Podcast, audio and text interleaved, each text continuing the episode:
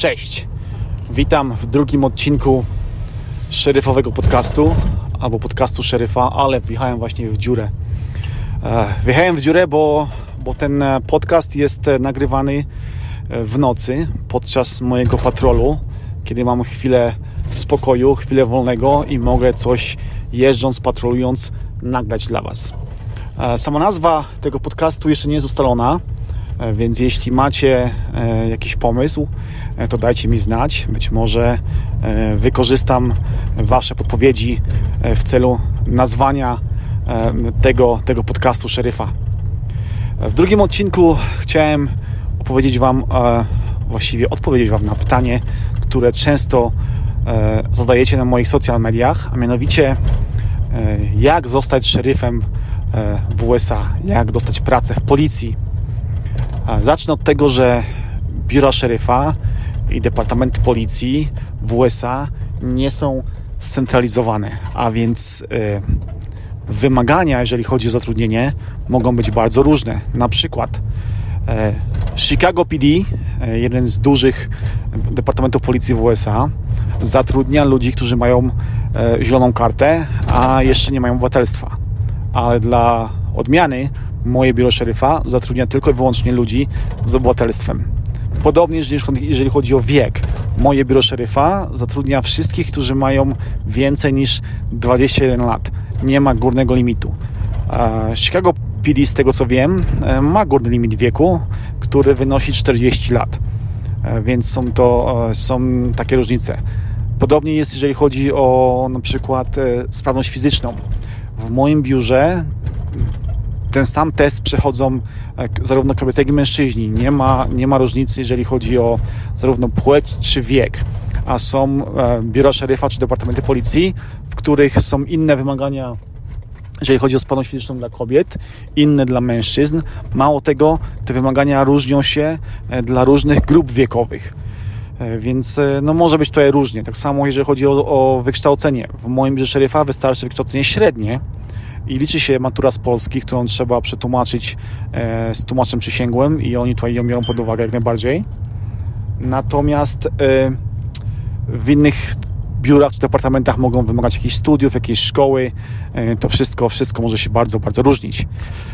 Opowiem Wam natomiast, natomiast opowiem Wam o, o tym, jak wyglądało, wyglądała rekrutacja w moim biurze, na moim przykładzie.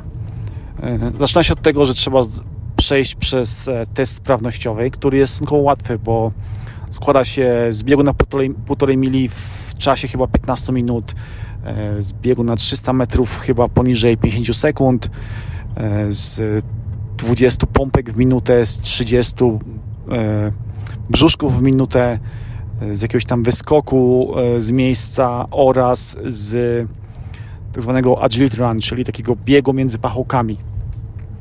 Po przejściu tego e, testu sprawności fizycznej jest e, test pisemny. Test pisemny e, trwa 3,5 godziny, składa się z kilkuset pytań, które dotyczą bardzo różnych rzeczy. Nie dotyczą absolutnie wiedzy policyjnej, bo kandydaci takiej wiedzy nie muszą mieć, bo oni będą dopiero szkoleni. E, natomiast sprawdzana jest wiedza ogólna, e, ortografia, język angielski, e, pamięć wzrokowa, orientacja w terenie na podstawie mapy i tego typu rzeczy. Są na przykład pokazywane obrazki przez minutę i później po tej minucie trzeba a, odpowiedzieć na pytania dotyczące tego obrazka. Między innymi na przykład jest obrazek z jakimś tam wypadkiem samochodowym, więc trzeba powiedzieć, gdzie ten wypadek miał miejsce, na jakiej ulicy, na jakim skrzyżowaniu, ile było aut e, w tym wypadku, czy byli jacyś e, powiedzmy e, ludzie w okolicy, która była godzina mniej więcej, jaki był dzień tygodnia i te wszystkie powiedzmy pytania odpowiedzialnie są na tym obrazku. Jeżeli ktoś ma powiedzmy dobrze, dobrze zwracał uwagę na jakieś tam detale, no to będzie wiedział, która była godzina, bo tam jest na przykład zegar na jakiejś tam wieży ratusza e, i tego typu rzeczy, więc e, nie było to zbyt trudne dla mnie. Kolejną serią pytań e, były pytania dotyczące pamięci wzrokowej przeczytanego tekstu. Mieliśmy do przeczytania nakaz aresztowania oraz jakieś tam przepisy i później trzeba było po przeniesionego tekstu ten tekst oddać, żeby nie można było do niego znowu zaglądać i były pytania dotyczące tego tekstu.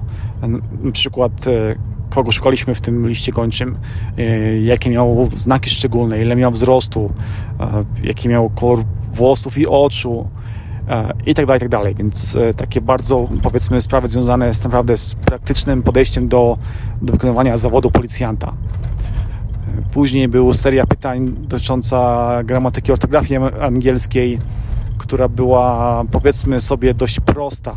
Najtrudniejszą częścią było e, dopisywanie idiomów do jakichś tam słów E, i to jest pojawiło w sobie największą e, trudność w tym całym teście.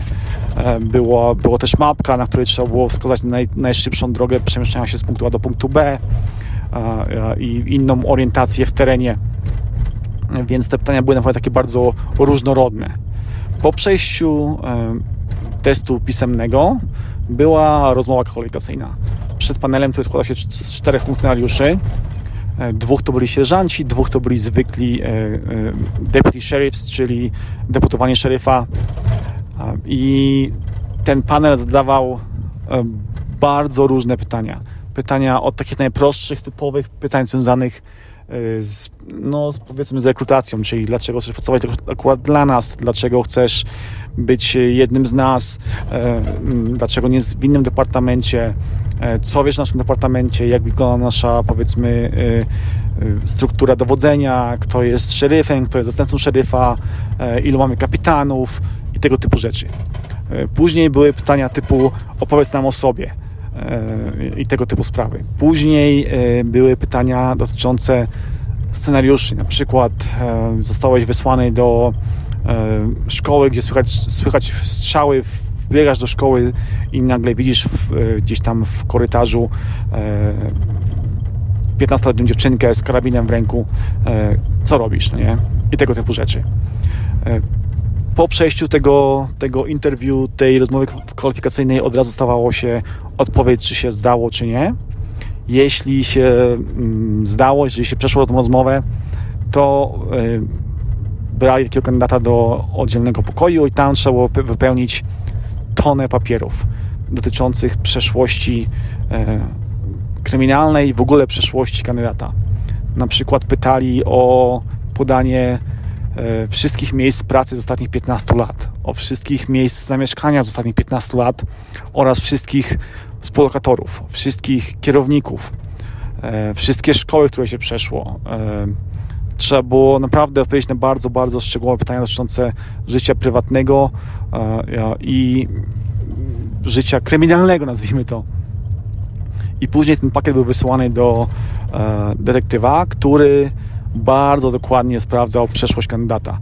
W moim przypadku, powiedzmy, ta, to sprawdzenie było wyjątkowo długie, ponieważ no, ja urodziłem się w Polsce, mieszkałem przez pierwsze 23 lata życia w Polsce, więc y, y, sporo z tego mojego, z tego mojego pakietu dotyczyło Polski.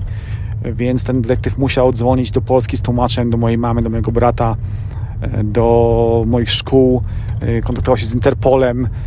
Naprawdę grzebano w mojej przyszłości dość mocno. Zwykle taka, taka takie sprawdzenie przeszłości trwa około pół roku, jeżeli chodzi o Amerykanina. W moim przypadku trwało to półtora roku, więc było to dość długie. Po przejściu e, tego, e, tego sprawdzenia przeszłości kryminalnej e, kandydat został, został zapraszany na kolejny na kolejną rozmowę kwalifikacyjną, tym razem z samym szeryfem i, i z underszeryfem. I ta rozmowa była trochę bardziej taka na luzie, bo oni już nie zadawali pytań typu dlaczego chcesz u nas pracować, tylko zadawali pytania takie bardziej e, przyziemne, takie bardziej, żeby poznać kandydata i jego, jego podejście do, do życia. E, mnie pytali, e, dlaczego emigrowałem z Polski, czy mi się podoba w Gardnerville, gdzie mieszkamy i tego typu pytania. I po tej rozmowie, w tej rozmowie chodziło o to, żeby tego kandydata oni poznali, żeby sprawdzili, czy on się nadaje E, jako jeden z przyszłych członków, powiedzmy, e, tej ekipy, która pracuje w naszym biurze szeryfa. Po tej rozmowie też od razu stawało się odpowiedź, że no dobra, przyszedłeś i dalej e, masz kolejną część rekrutacji, którą to częścią było były trzy testy. Pierwszy test to był test psychologiczny, drugi test to był test, a w zasadzie badania lekarskie, a trzeci test to był test na wykrywaczu kłamstw. Test psychologiczny, no to wiadomo, nie muszę tutaj chyba nikomu tłumaczyć. Podobnie jak z badaniami lekarskimi badano podstawy, czyli jakąś tam krew, EKG, jakieś, jakieś prześwietlenia tego typu rzeczy. E, natomiast e, dla mnie ciekawe było, przeżycie, ciekawym życiem było e, badanie na wykrywaczu kłamstw, bo wyglądało to w ten sposób, że przyszedłem do biura, na mnie detektyw, z, który miał ten mój cały pakiet, który wypełniłem na początku rekrutacji. Mieliśmy około taką dwugodzinną rozmowę, bardzo na luźnym poziomie o, pytał jakieś tam szczegóły jeszcze, których być może nie wyjaśniłem w tym, w tym całym pakiecie jakieś drobnostki, po czym po dwóch godzinach około, jak już zbudował ze mną jakąś tam relację, podłączył mnie do urządzenia, do tego wykrywacza kłamstw i zaczął zadawać pięć tych samych pytań w kółko przez około 20-25 minut.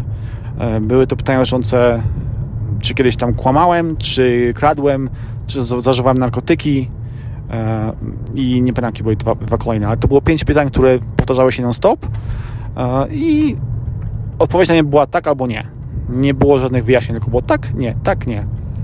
No i po tym, po tym badaniu on też od razu e, e, kazał mi wyjść, czekać 15 minut a, i e, po 15 minutach dostałem odpowiedź, że dobra, przyszedłeś, e, wszystko gotowe, czekaj na telefon od kapitana.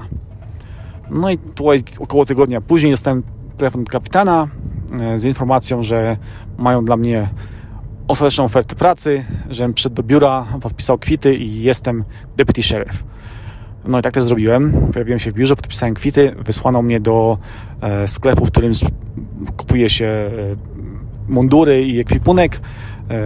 Oczywiście pierwszy sort mundurowy kupuje nasze biuro więc pojechałem do sklepu, tam mnie zmierzyli, dostałem kilka koszów, kilka par spodni, jakieś tam pasy, ładownice i inne tego typu rzeczy na, na pierwszych kilka powiedzmy miesięcy służby i dostałem kolejny telefon z datą zaprzysiężenia. Wyglądało tak, że w naszym takim pokoju konferencyjnym był szeryf, był underszeryf, było, było kilku sierżantów, E, kilku ludzi z biura, e, kilku e, deputy sheriffs, moja rodzina i znajomi. I tam złożyłem przysięgę na deputy sheriff i zostałem gliniarzem. Od razu tego samego dnia oczywiście do roboty, na trening. Zostałem przydzielony do, do aresztu i od razu po przysiędze rozpoczął się mój trening, który tam trwał kilkanaście tygodni, ale to będzie w innym odcinku. Dobra, to chyba tyle, jeżeli chodzi o, o moją rekrutację, o to, jak to wygląda. Jeżeli chodzi o, o samo zdobycie zielonej karty i obywatelstwa, co jest moim zdaniem najtrudniejszym punktem tej całej rekrutacji, wobec tego ani rusz, nie można sobie po prostu przyjechać z Polski z, z, i zostać szeryfem, e, to dam Wam taką, taką radę moją, moją małą, a, a mianowicie e, istnieje takie coś jak e, klub tajnikiameryki.pl. Prowadzi go Sylwia i Kuba Gorajek. To jest małżeństwo, które mieszka w Las Vegas. Oni zresztą mają też podcast, e, który bodajże nazywa się albo Ja i On, albo Tajniki Ameryki, już nie pamiętam.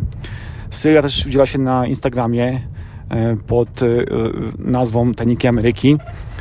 I oni tam zrzeszają ludzi, którzy naprawdę albo są właśnie w trakcie załatwiania obywatelstwa albo zielonej karty, albo przeszli już to e, niedawno i tam dzielą się zarówno takimi małymi poradami, jak to wszystko ogarnąć, e, podpowiadają, jak do tego podejść, e, jakie są kruczki prawne, co można skrócić, co można ominąć, jak generalnie uzyskać zieloną kartę i obywatelstwo, więc tam Was odsyłam, bo tam jest kopalnia wiedzy dla ludzi, którzy są na serio zainteresowani emigracją do USA.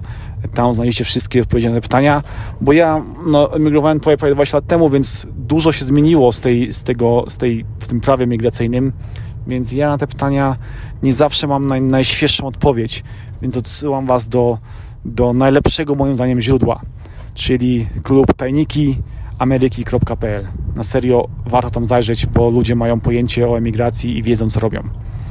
Dobra, to tyle. E, mam nadzieję, że ten odcinek się spodoba, e, że odpowiedziałem na Wasze pytania dość, e, dość jasno. Dajcie znać, czy jest dobrze. Ja jeszcze nagram albo dwa odcinki takie próbne, żeby sprawdzić, czy w ogóle ten podcast ma sens bycia i czy w ogóle jesteście tym zainteresowani. Więc czekam na Wasze komentarze, na Wasze maile, na, na info, czy robić dalej, czy dać sobie siana i zostać przy YouTubie i Instagramie i Facebooku. Dobra, teraz na stereo. Koniec. Odcinek drugi skończony.